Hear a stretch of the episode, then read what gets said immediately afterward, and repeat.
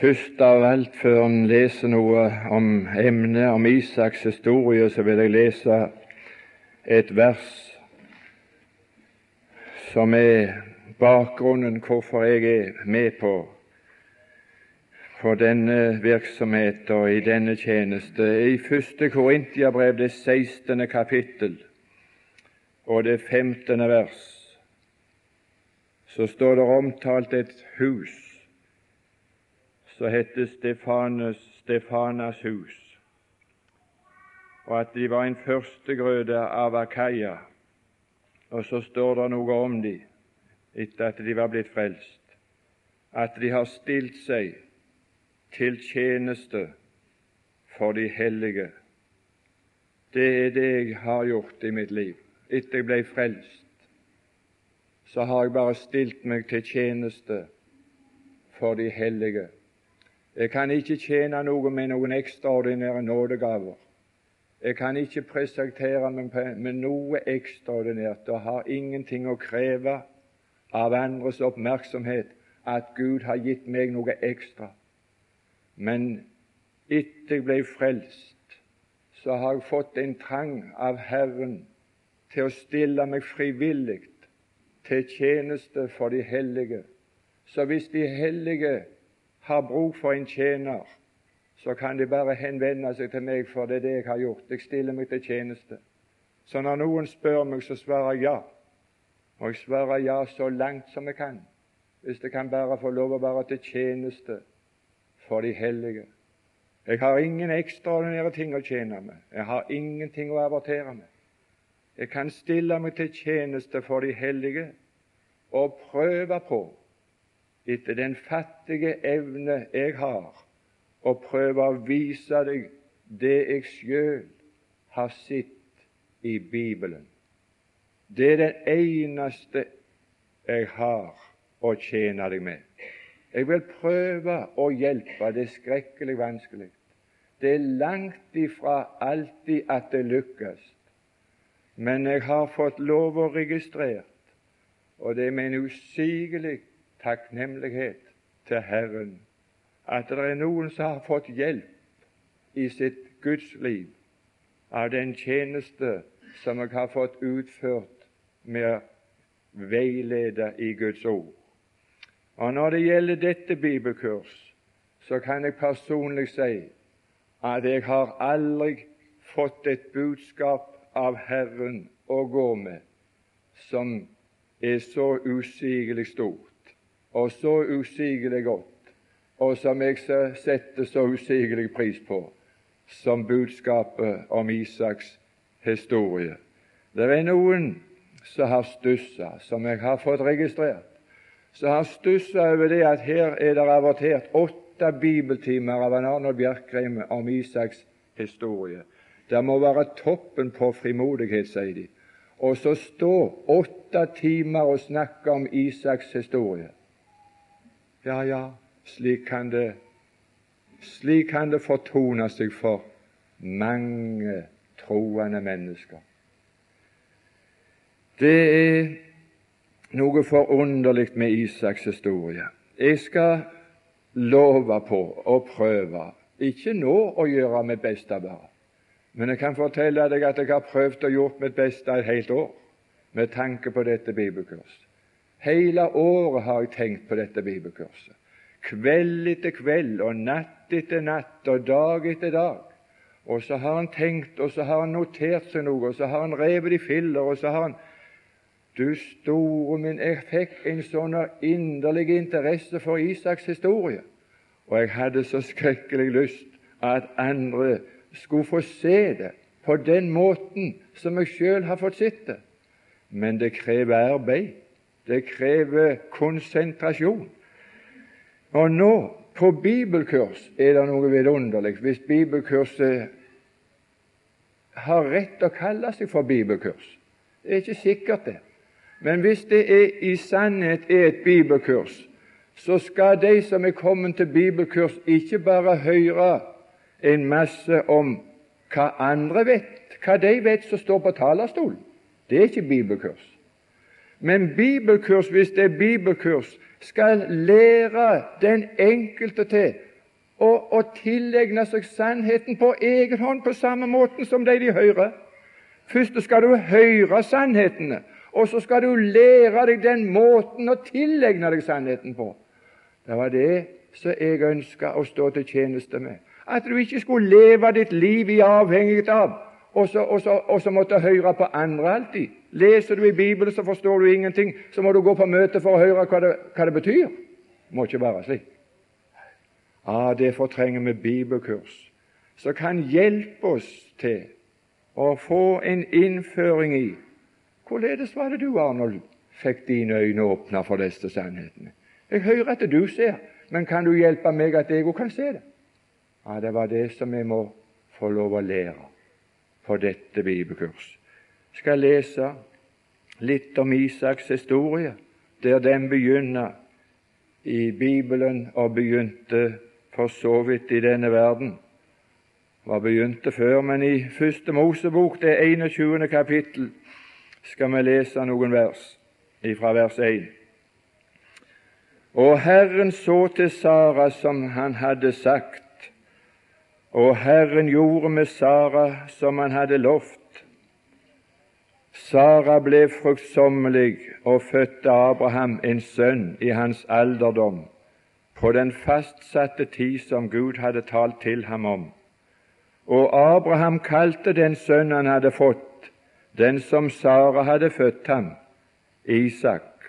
Og Abraham omskar Isak, sin sønn, da han var åtte dager gammel, således som Gud hadde befalt ham.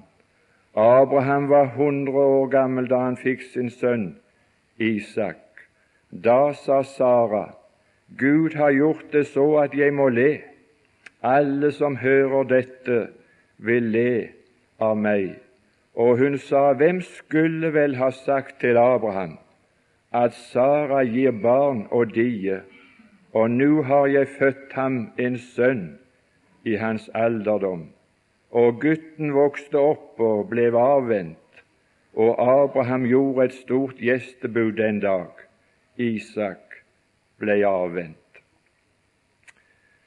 Det første som jeg vil prøve på, og som jeg har fått ansvar for, å prøve å vise deg fra denne beretning.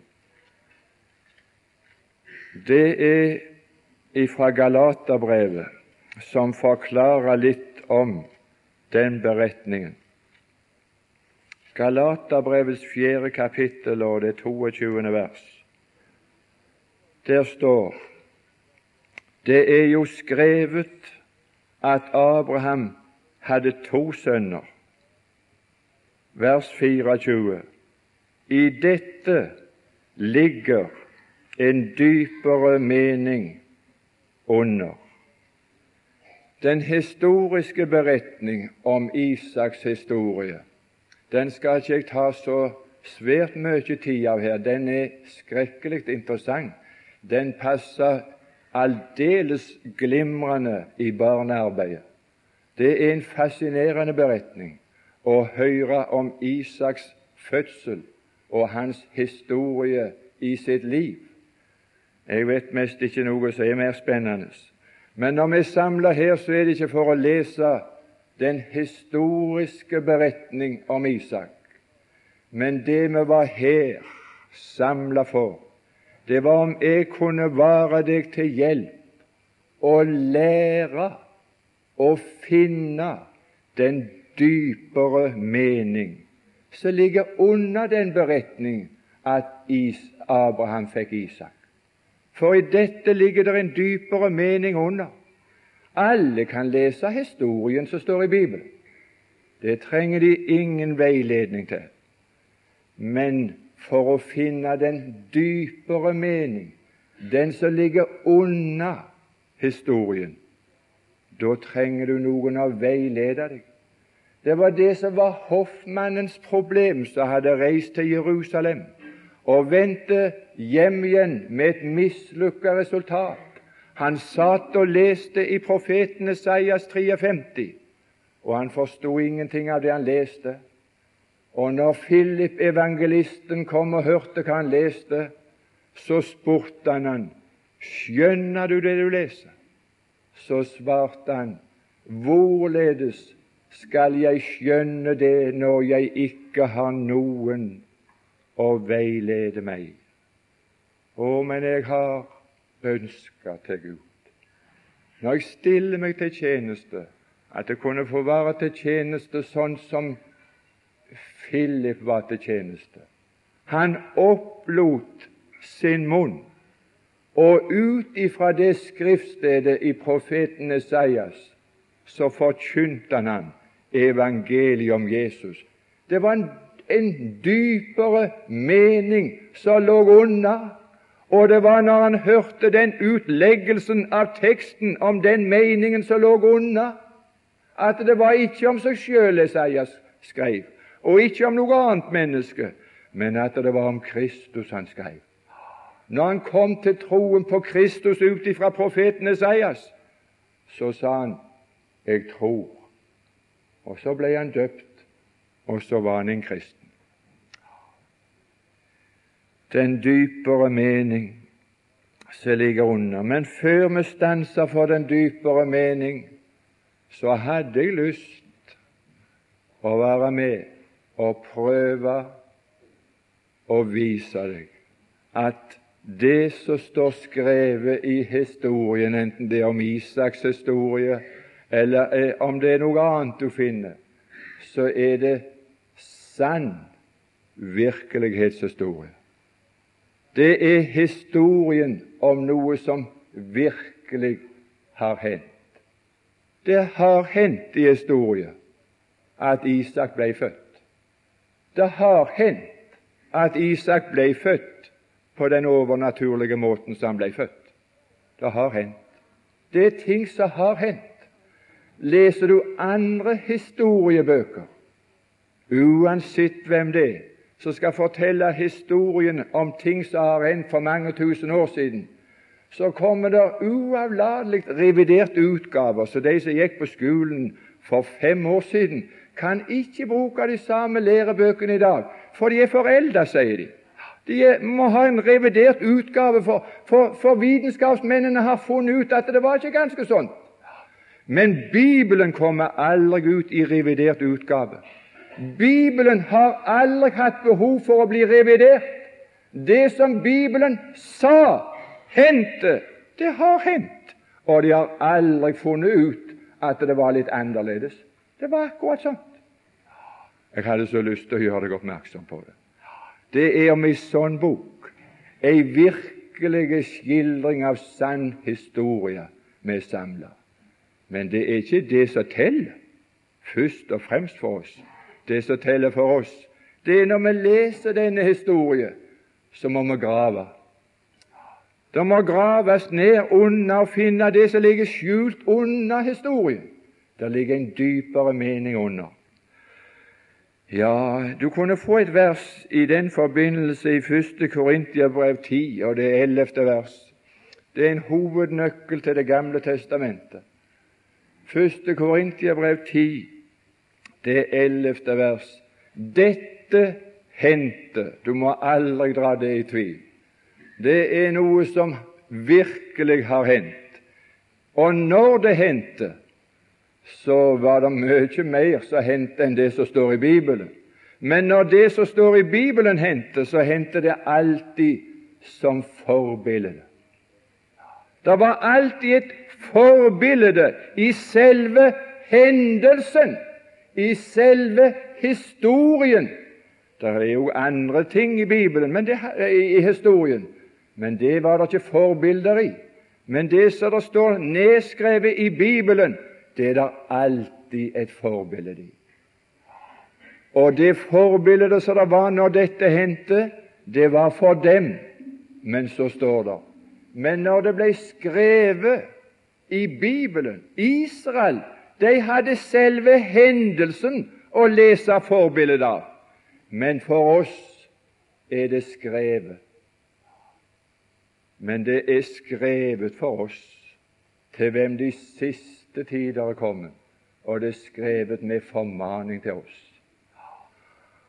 Det var bare det jeg hadde lyst til å si om den sannhet. Nå skal du få høre noe jeg har lest i norsk leksikon. Det er voldsomt godt, ser det ut for. Aschehougs leksikon. Det er ikke et spøke med. Det er visst ikke mye som ikke står der. Jeg syns det var dyrt når jeg kjøpte det, men jeg har fått valuta for pengene.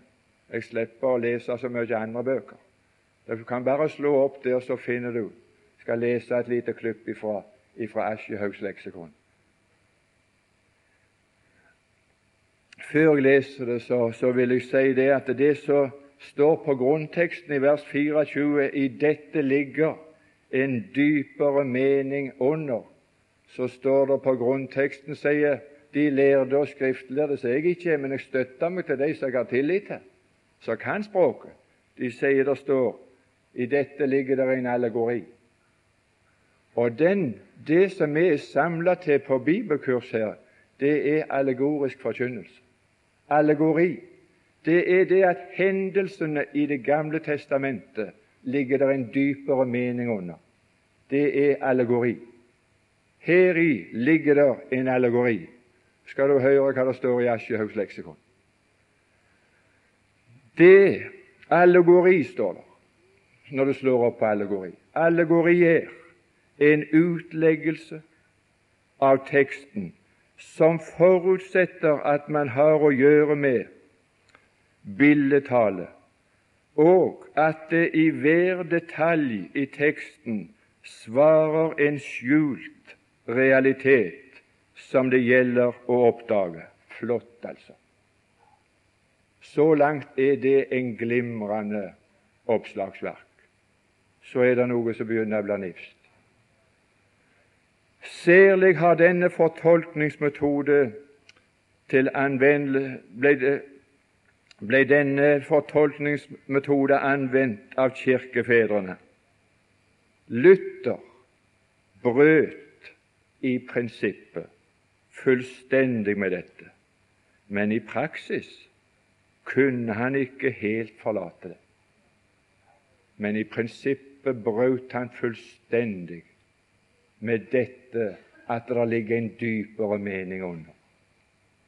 Og dette har vi høsta av at det er noen som vil være så lutherske at de blir motstandere av slike bibelkurs som forkynner sannheter, at det ligger en dypere mening under i disse gammeltestamentlige skriftene. Det er ikke det verste, for han forlot ikke helt. Men nå skal du høre hva det står. Den moderne bibelvitenskap har helt forlatt allegorien. De moderne bibelstudenter, de moderne lutherske etterfølgere, har helt forlatt dette prinsipp. Dog, står det, unntagen for de rene allegorier som de ikke kan komme forbi, de som Jesus har forklart. Da kan de ikke nekte det, men de nekter for alt annet.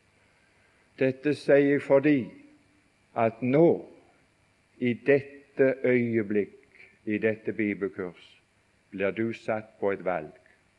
Du må velge.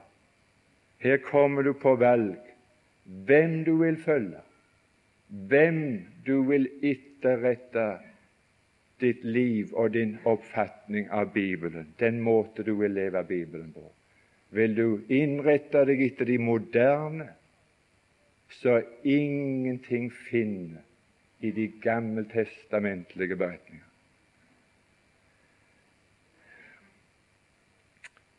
Johannes evangeliet, det femte kapittel og det 46. vers, forteller meg om et vitnesbyrd av Jesus.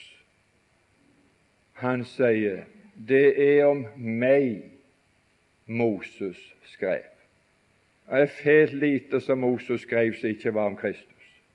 Så når Moses har skrevet første Mosebok om Isak, så skrev Moses om Kristus. Det er om meg Moses skrev. Og Det skal han få finne enda klarere uttrykk for Men det er det som vi er samla her for å etterfølge den Herre Jesus, slik som den Herre Jesus praktiserte det i Lukas evangeliets 24. kapittel. Det er bibeltime. Det er bibelkurs. 24. kapittel og det 27. vers. Jesus utla for dem i alle Skriftene det som var skrevet om ham. Fordi det som er skrevet om Kristus, det ligger under den historiske beretning. Derfor må det en utleggelse til. Og når dette skal utlegges, så er det ikke fri fantasi. Så når jeg står her jeg vet ikke, Det var, det var noe i radioen som de kaller nå et program. Folk på Kirkebakken eller noe lignende. Så der var det, der var en som de skal fortelle en liten historie hver gang. disse predikantene eller prestene blir intervjua på Kirkebakken. og så, så, var det en som fortalte en liten historie om, om, om biskopen, den berømte presten. Og så, så sa dette, jeg tror det var i Betlehem i Bergen Altså, Det var en predikant som sa ja, men vi har vel rett til å fantasere litt på talerstolen. Ja, det har du rett til, sa han, hvis du bare sier 'nå fantaserer jeg'. Så får du bare fantasere det du vil, men når du skal forkynne Guds ord, da fantaserer ingen. Ingen har rett å fantasere når en skal forkynne Guds ord. Vi forkynner sannheten. Vi forkynner virkelighetshistorie.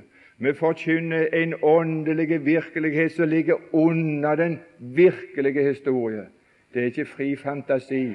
Det er nøktern forkynnelse som står for all kritikk og kan drive all tvil ut.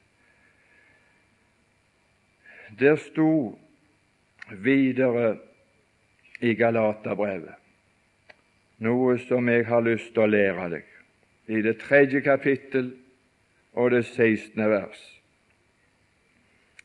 Nå ble løftene gitt Abraham og hans ett. Han sier ikke og dine ettlinger som er mange, men som om en, og din ett, og dette er Kristus. Så der har vi Bibelens nytestamentets forklaring om at Isaks historie, det er historien om den Herre Jesus. Det var om Kristus den beretningen var. Det gir oss en vidunderlig tillit. Når en kan lese historien om Kristus nedskrevet på Isaks tid når historiene om Isak er nedskrevet i Bibelen på den tiden, så forferdelig lenge, så leser vi nøyaktig Kristi historie om hvorledes han kom til denne verden, hvorledes han vokste opp, hva han opplevde i sitt liv, og hvorledes han vant seg en brud. Men det er ikke bare et forbilde på Kristus, men i det fjerde kapittel og det 28. vers så står det Men vi er løftets barn, like som Isak.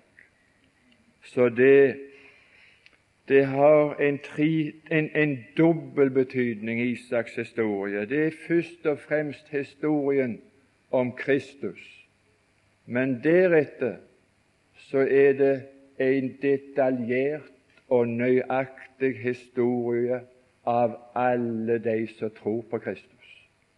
Vi er løftets barn, like som Isak. Om det vil jeg bruke de fleste timene, men om det første, om Isak som et forbilde på Kristus, vil jeg nå gjøre bruk av denne time og et, de to neste.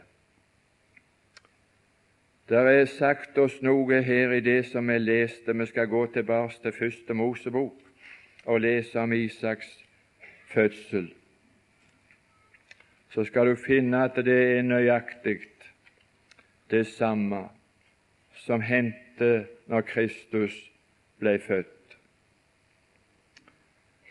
Når det gjelder at når Isak ble født, så, så hadde Gud lovt på forhånd at han skulle fødes. Du Abraham, du skal få en sønn neste år på denne tid skal Sara ha en sønn. Og det var en løftesønn. I Romerbrevet 9 og det niende vers. For et løftesord er dette. På denne tid neste år skal du ha en sønn. Abraham fikk et løfte på forhånd om å få en sønn. Og når han da ble født, så hans, så ble hans fødsel en oppfyllelse av et løfte. Sånt er det med Kristus. Kristus kom til denne verden og ble en oppfyllelse av et løfte som Gud hadde gitt til menneskene lenge før, mye lenger tid før enn Abraham fikk et løfte om å få Isak.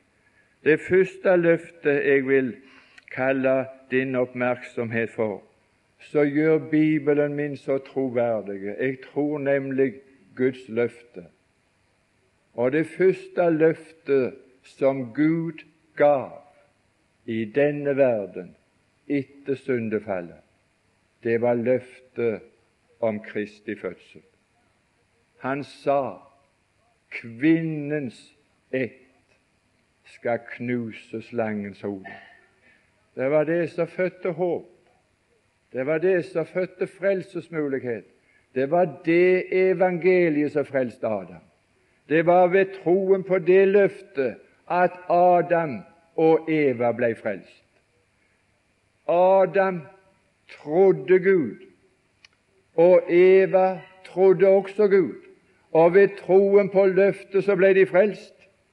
Og det som gir klart uttrykk for at Adam trodde Gud, det var når han kalte kona si for Eva. Hun hadde ikke hatt navn før. Men etter at Gud hadde gitt det løftet at kvinnens ett skal knuse slangens hode, så sa han nå skal du hete Eva, for Eva betyr alle levendes mor. Eva så var kona til Adam ble mor hans. For hun skulle være mor til alle levende. Han trodde det, at det som skal komme av kvinnen, det skal være Guds sønn som skal knuse slangens hode. Og det er ved troen på Kristus Jesus, på det løftet Gud gav, at vi blir frelst. Så vi blir ikke frelst annerledes nå enn de gjorde i Det gamle testamentet. Vi blir frelste ved tro på Kristus. De ble frelste ved tro på Han som skulle komme. Jeg og du blir frelste ved tro på Han som er kommet. Ja, det er slik det henger sammen. Jeg kunne ha lyst til, for å, for å drive ut noe tvil, for her er så kolossalt De klagde på skodd når de kom her i går og klagde på kald nordavind. Ja, det er fælt å leve i slikt. Men det er noe som jeg vil våge å påstå som er fælere å leve i Norge enn det du opplevde når du kom til Karmøy i går. Og det er den råa skodda som omgir det norske folk. Det er en sang som har lært oss å synge her på Vestlandet. Lei milde ljos gjennom skodd ei det har aldri vært så mye råskodde i Norge på det åndelige området som i dag. Og aldri har nord og vært så isende kalde som i våre dager. Du merka det på det legeme når du kom her. Sånn merka folk det som har liv i Gud på det åndelige området. At det er uhyggelige krefter som omgir oss.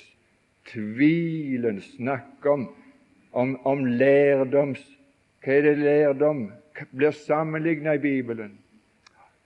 Ethvert lærdomsvær. Og det været det kommer i skodda, når de ikke ser klart, når de, når de er omtåka, ingen kan orientere seg, og være på sjøen i skodd. Ja, herlighet uten, uten kompass og uten noe å orientere seg etter. Du seiler på lykke og fromme, og det går galt. Og du gru i denne verden for lærdomsvær. Så blås meg hvis jeg bare har åndelig lys og åndelig varme. Han som bød at lys skulle skinne frem av mørket, har latt det skinne i våre hjerter. Vi skal tåle all slags trengsler hvis det bare er lyst i sinnet, i tanken. Å, det var det jeg ønska. Å være med på å stille meg til tjeneste. Jeg kunne nevne noen av de løftene, konsentrere de for deg. Stakkar, sier jeg. Jeg har medynk med, med ungdom som skal gå gjennom den prosess, obligatorisk, skal gå gjennom all den skolegang som de må i våre dager, for i det hele tatt å få lov å få seg en stilling i denne verden. Hadde de ennå fått lov å gå på skolen og lært det de skulle gjøre i livet, men de skal pukkes og tvinges til å lære at Bibelen det er bare tull. Det følger med. Det er prisen de må betale for å lære noe. At det må såes tvil, det må rives ned. Det er ingen som vil lære noen uten at de skal ta den fra folk. Det er grufullt. Slik er tilstanden ble. Jeg hadde så lyst til å være med i et, i et motstandsarbeid når det gjaldt det. Det var flere gjentagelser av det løftet som når Kristus skulle fødes. Jeg vil nevne et som Jakob kom med på sitt siste, når han velsigna sine tolv sønner. Først hadde Abraham fått dette løftet, at denne kvinnen skulle altså være av Abrahams ett, og det var jødefolket. Men så ble jo jødefolket oppdelt i tolv stammer, så er det spørsmål hva slags stammer skulle han komme av. Jo, så sier Abraham på sitt siste, inspirert av Gud, i Første Mosebok, det 49. kapittel og det 10. vers, Judastamme, herskerskaven skal ikke vike fra Judastamme inntil fredsfyrsten kommer, inntil Kristus kommer. Ja, Det så fælt smått stell ut med herskerstaven i Israel mange ganger. De havna i Babylon i fangenskap i 70 år, men de kom tilbake. Og det var litt smått stell med sjølstyre under det romerske herredømmet til å begynne med, men de hadde stort sjølstyre. Men så kommer det noe som hendte. Det skjedde i de dager i Lukas 1 står det, i det 31. vers, at i den tida så var Herodes konge i Jødeland. Da var herskerstaven veke. Nå var det en, en hedning som var konge. Hva varsla det? Fredsfyrsten skulle komme. Herskerstaven skulle vike ifra Juda når fredsfyrsten skulle komme. Og så står det i Lukas 2,2 Dette var den første innskrivning i Kverinius' star. Det hadde aldri hendt før i Israels historie at en keiser utenifra hadde kommet med et budskap som påbudde alle jøder å gjøre det han ville, det var den første gangen det hendte. Og det skulle hende når fredsfyrsten skulle komme. Da skulle herskerstaven vike totalt ifra jøder. Og da ble Jesus født. Ah, du verden, for en vidunderlig bibel vi har. Det er ikke vondt å tro på Bibelen når du kjenner den, men det er ikke spøk å tro på noe som du ikke kjenner. Stakkars folk som blir invitert til å tro på en bibel som de ikke kjenner, som de aldri har lest aldri blitt kjent med. Det er ikke spøk, sa han, jeg glemmer aldri noe øye. Du kan tvinge meg til å omvende meg, sa, du, sa han, men du kan ikke tvinge meg til å bli en troende, for jeg er full av tvil. Jeg har aldri lest Bibelen. Jeg har bare lest ateistiske skrifter. Men når du sier dette om det som er bak død og grav, så kan du, så kan du tvinge meg til å omvende meg, sa han. Men jeg, jeg, jeg tviler inni meg. Jeg er ikke spøk og som ikke kjenner Bibelen. Det er noe som står i Bibelen om du som fra barndommen kjenner de hellige skrifter. Ja, det som du kjenner, det som du har tillit til fra barndommen av. Jeg er så takknemlig til Gud for dette vidunderlige som jeg har fått. Jeg er blitt ført inn i, som kalles disse bibelkurs, hvor å oppleve dette underlige og mest underfulle av alt, at de unge kommer her til bibelkurs. Jeg var på et bibelkurs og hørte et vitnemøte av de ganske unge 13-14-åringer som hadde et bibelkunnskap som mange eldre kunne misunne dem. Å, hvor jeg ønsker at vi skulle lære å kjenne de hellige skrifter og få tillit til dem. De kan gjøre oss vis til frelse, og de kan drive tvilen ut. Jeg må få bare gå ifra det der, men jeg må få nevne det som sto her i det andre verset, at Isak han var en alderdomssønn. Nei, han Sara kom på lotten når de fikk løftet. Det var tvilens latter. Skulle jeg, som i 90 år, føde Jeg har det ikke lenger på kvinners vis. Jeg kan ikke føde. Altså naturfunksjonen til å føde barn er slutt. Skal jeg kunne føde barn, sa Abraham, jeg er jeg er jo snart 100 år. Han så på sitt eget utlivde legeme. Han så på Saras utdødde mors liv. Det var umulig. Det var umulig av naturlig vis å føde barn. Isak ble født på overnaturlig vis. Han ble født av et løfte. Han, fikk, han ble født ved at Gud oppfylte det løftet han hadde gitt. Abraham og, Sara klarte ikke å hjelpe til å føde Isak. Isak ble født ved et guddommelig, uforklarlig inngrep. Ingen kan forklare hans fødsel. Heller ingen kan forklare Kristi fødsel. Hvorledes, sa Maria, skal dette kunne gå til? Jeg kjenner jo ikke av mann. Jeg kan jo ikke føde barn når jeg ikke kjenner til mann. Ah, hvorledes skal det gå til? Det er dunkelt. For min tanke er det en av kirkefedrene som har sagt i eldgamle dager, men det er solskinn for min sjel at Jesus ble født uten mann. Uten mann.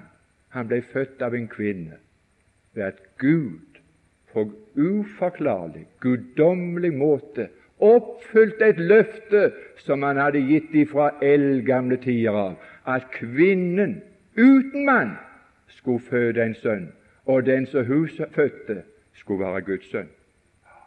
Av herlighet!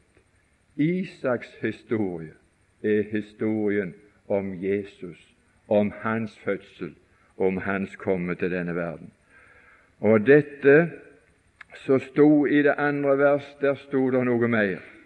At denne Isak som Abraham fødte i sin alderdom, han ble født på den fastsatte tid. Tida var bestemte på forhånd. Ikke han var unnfangen, for da kan de regne hva tid han skal fødes. De kan telle til de månedene. Men altså, Isak ble født til fastsatt tid før han var unnfanget. Før han var blitt unnfanget. På denne tid neste år, tolv måneder før, tolv måneder før, så ble han født til fastsatt tid. Det var ingenting å telle tilbake til noe annet enn til løftet. Hun kunne ikke telle tilbake til unnfangelsens øyeblikk, men til løftets øyeblikk. Og når Jesus ble født, så må du telle tilbake til løftet. Han ble født til den fastsatte tid som Gud forut hadde sagt på den tid skal han fødes. Hadde han sagt det så nøye at de kunne vite det? Oi, jeg var ganske sikker. Der kom noen vise menn fra Østen.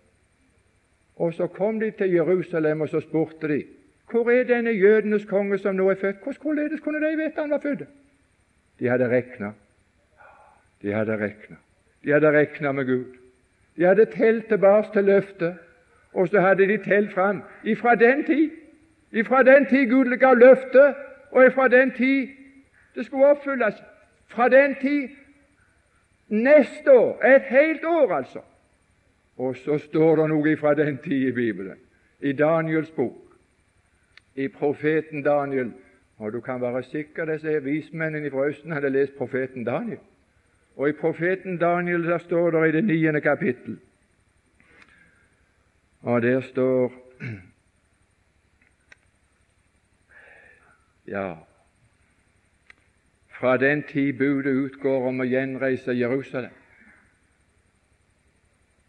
Og det er en fastsatte dag i historien. Fra den tid Det var når du leser i profeten Nehemias' bok og Esras bok, så er det tidsfesta, og de har, de har nøyaktig årstall og datum på det der så de driver med kronologi på universitetene. Der kan du bare undersøke den datoen. Fra den tid og inntil en salvet Kristus står fram, så skal det gå 483 år. Det skal gå 69 uker av sju år. 483 år. Trodde de kunne telle? Når Abraham fikk løftet, så fikk han løftet om neste år, om ett år. Men når Daniel fikk løftet, så fikk han løftet ifra da og så 483 år på dagen. Og når Kristus ble født, så ble han født til fastsatt tid, til et tidsøyeblikk som var fastsatt 483 år før hans fødsel. Jeg har lest litt jeg òg av det der mørke. Det var en som jeg kjenner som har tatt som er lektor som har tatt kristendom som grunnfag og mellomfag på Universitetet i Oslo.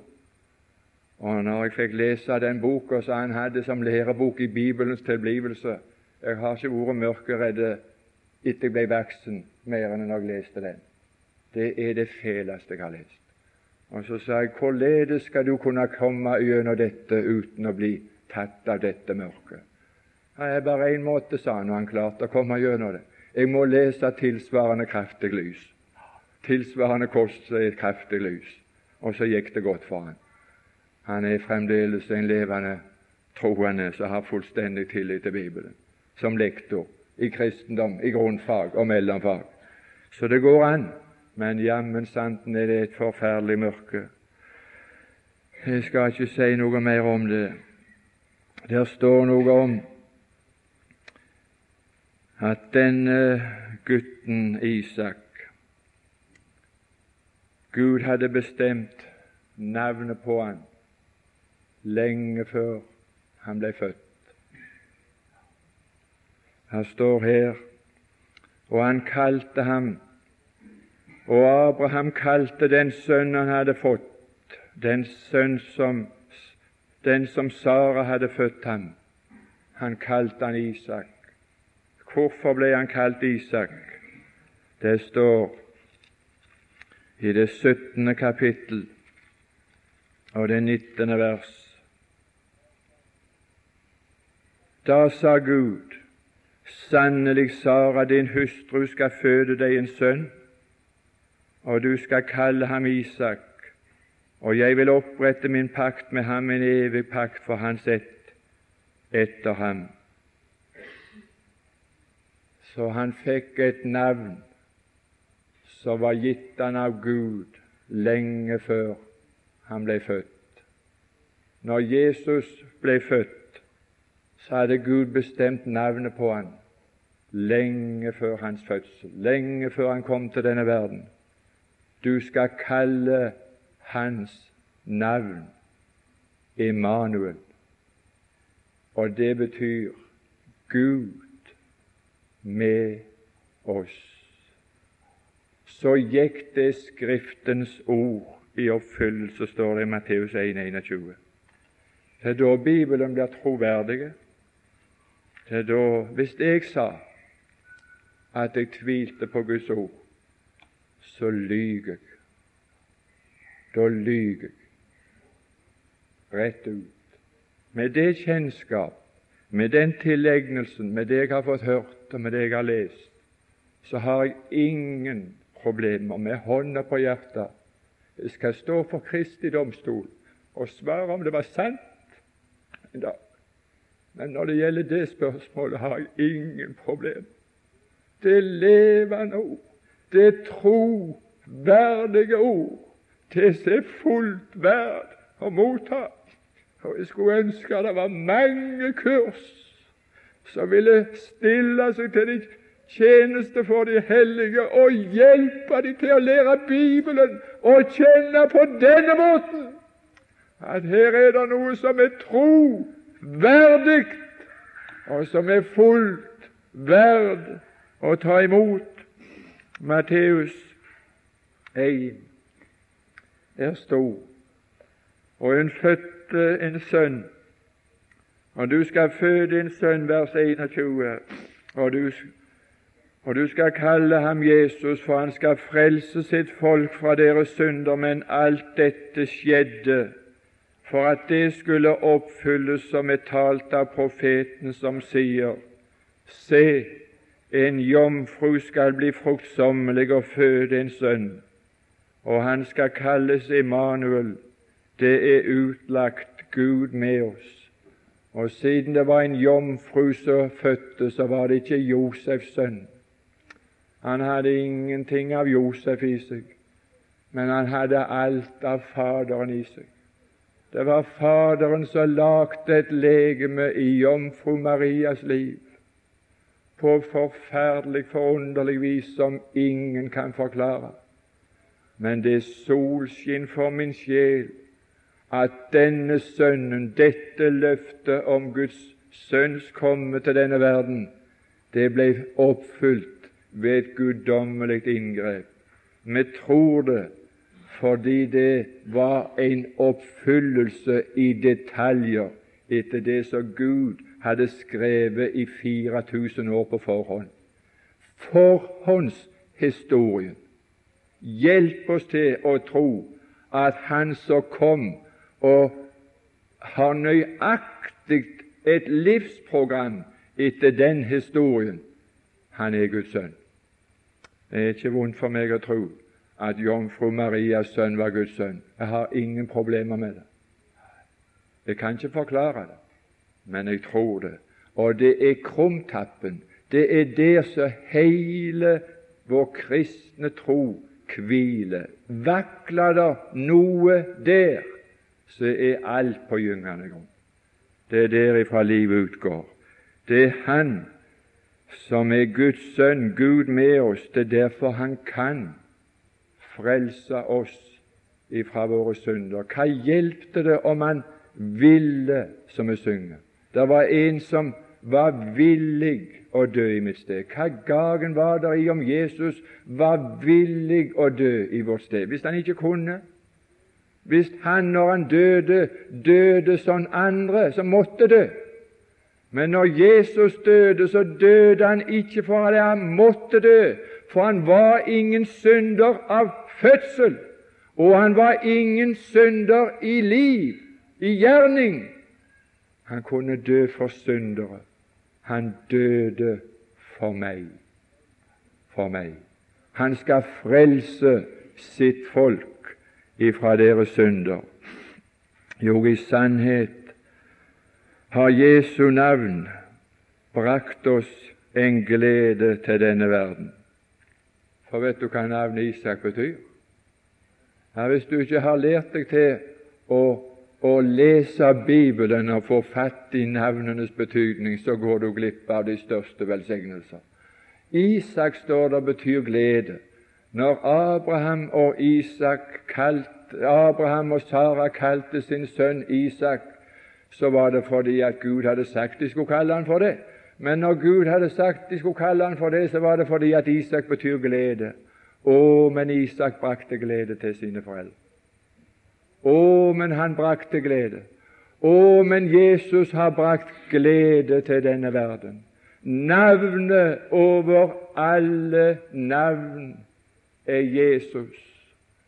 Det er det som gleder mitt hjerte.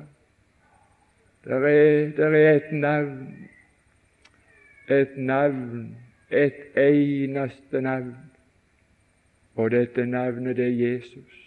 Hvisk det igjen og igjen. Det har meg gledet i festsmykkets sal, og det har meg gledet i bedrøvelsens dal. Og det inn i døden min trøst være skal. Jesus, Jesus, for en glede det brakte oss. Du skal kalle han Jesus, for han skal bringe glede. Ja, i sannhet er det historien om den Herre Jesus. Men der lestes noe mer i Første Mosebok, i dette avsnitt som jeg leste, i det fjerde vers. Og Abraham omskar Isak sin sønn da han var åtte dager gammel. Hvorfor gjorde han det? Hvem var det som begynte med omskjærelse? Ah, dette ble gjort av Abraham fordi Gud hadde sagt det, således som Gud hadde befalt ham. Derfor ble Isak omskåren. Og når Jesus var åtte dager gammel, leser vi i Lukas 2, så omskar de ham på den åttende dag. Er det noe vidunderlig der? Ja, her skal du få høre noe av det mest vidunderlige som du kan klare å få høre, antagelig, på dette bibelkurset om den Herre Jesus. Galaterbrevet, det femte kapittel. Galaterbrevets femte kapittel. Skal vi se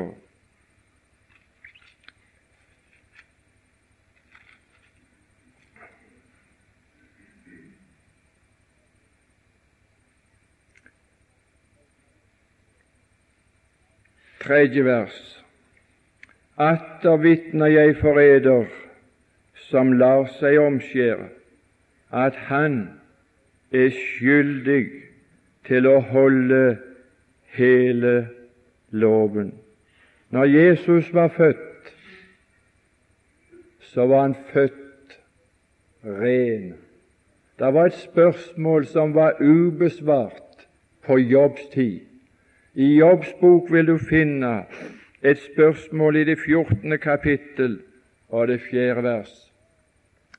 Kunne det bare komme en ren av en uren? Men det hadde aldri hendt. Når Adam og Eva fødte, så fødte de bare urene barn. Fordi foreldrene var syndere, så fødte de syndige barn med syndige natur. Sånn som faren er, og sånn som mora er, sånt er barna bestemt av naturen, ifra fødselen av. Så blir Jesus født. Så blir han født uten Josef. Han blir født av en kvinne, men han blir født av Gud. Og Gud fødte Jesus ren han var uten syndig natur. Han var rene av fødsel. Og når han ble omskåren på den åttende dag, så var det for å hjelpe oss til å kunne tro at han var Guds sønn. For det forplikta den Herre Jesus til å leve sitt liv og være skyldige til å holde hele loven som ingen andre som var ureine, kan holde. Men fordi han var rein av fødsel, så levde han et rent liv. Vi har fire bøker om Jesu liv. Vi har fire forskjellige personer, dreven av Gud, inspirert av Gud, til å skrive en sannhetsbiografi av Jesu liv innenfra, utenfra, ifra alle sider. Og så stiller Jesus bare et spørsmål til slutt. Hvem kan overbevise meg om synd. Han snubla aldri i et eneste bud. Han var ren. Fordi han var ren av fødsel, og fordi han var ren i liv, så kunne han dø i synderes sted. Velsignede Frelser, som kunne dø i mitt sted, for at jeg skal leve. Det er det som gjør han duelig til å være min frelser. Det er dette som er kardinalpunktene i vår kristne tro, at Kristus er født uten synd, rene av fødsel, reine i liv. Det siste jeg vil lese om her, det var at gutten vokste opp og ble avvent. Og om Jesus står det at han vokste opp, og Guds velbehag var over ham, står det i Lukas 2. Det er det største verset om Jesus som finnes i Bibelen. Gud fant velbehag i honom, står det på svensk. Guds velbehag var over ham. Den Herre Jesus, han visste om seg sjøl mens han var barn, hvem han var. Han kom som tolv års gammel gutt, og så sa han om tempelet. Han visste hva tempelet var. Det er min fars hus. Det var det ikke alle som visste, men han visste det. Guds velbehag var over han. Og så visste han mer. Han visste det er min. Det er min far. Og han, var, han visste hvem han var som barn. Gud er min far. Det var ikke noe som, som han vokste seg til, men det var noe han visste fra begynnelsen. Han var Guds sønn med guddommelige egenskaper fra begynnelsen av. Min far. Og han visste noe mer. Han sa 'jeg må'. Han visste hva han måtte. 'Jeg må'. Jeg må alltid være i min fars hus. Det visste han. Du verden for, for en åpenbarelse. Og så visste han mer enn andre. Han sa 'visste dere ikke'. De andre visste det ikke. Foreldrene hans visste det ikke, de som var fosterforeldre. Ikke mor hans visste det, og ikke fosterfaren visste det. Visste dere ikke, men han sjøl visste som en tolvåring. Men det er det mest forunderlige av alt. Det er at mestedelen av Isaks liv er skjult i historien. Du leser bitte lite av historien om hva Isak opplevde inntil han var 30 år. Den ligger skjult i Bibelen. Isaks historie forteller ingenting om hans liv inntil han var 30 år. Du hører bare det at han vokste opp og ble avvent. Og om Jesus hører vi ingenting om hans historie inntil han ble 30 år, unntatt det dere i tolvårsalderen. Jesu livshistorie er skjult på samme måten som Isaks historie i tolv år. Men i de 30 årene så var Guds velbehag over den Herre Jesus som hans liv. Det neste vi skal få høre, og det neste det som er nøkkelen til Isaks historie, det som overhodet gjør hans historie til en frelseshistorie for oss. Det neste vi hører i 30-årsalderen, så ble han ofra på Moria berg. Og når Jesus var omkring 30 år, så kom han og ble tatt ut som lam. Så ble han ført til Moria berg og ofra. Det er det som vi vil prøve å betrakte i ettermiddag fra Isaks historie som et forbilde på Kristi ofring på Golgata.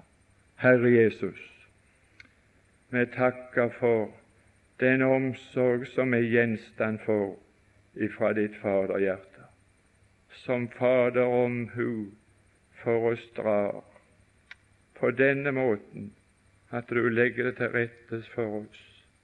å få være samla for ditt åsyn og bli ført inn i det du har å fortelle oss, det du har på ditt hjerte og vil si oss. Jeg vil få lov å be deg, Herre Jesus, la det sannhetsord som rekkes, la det nå oss alle ved din ånd. Vi ber i ditt dyrebare navn. Amen.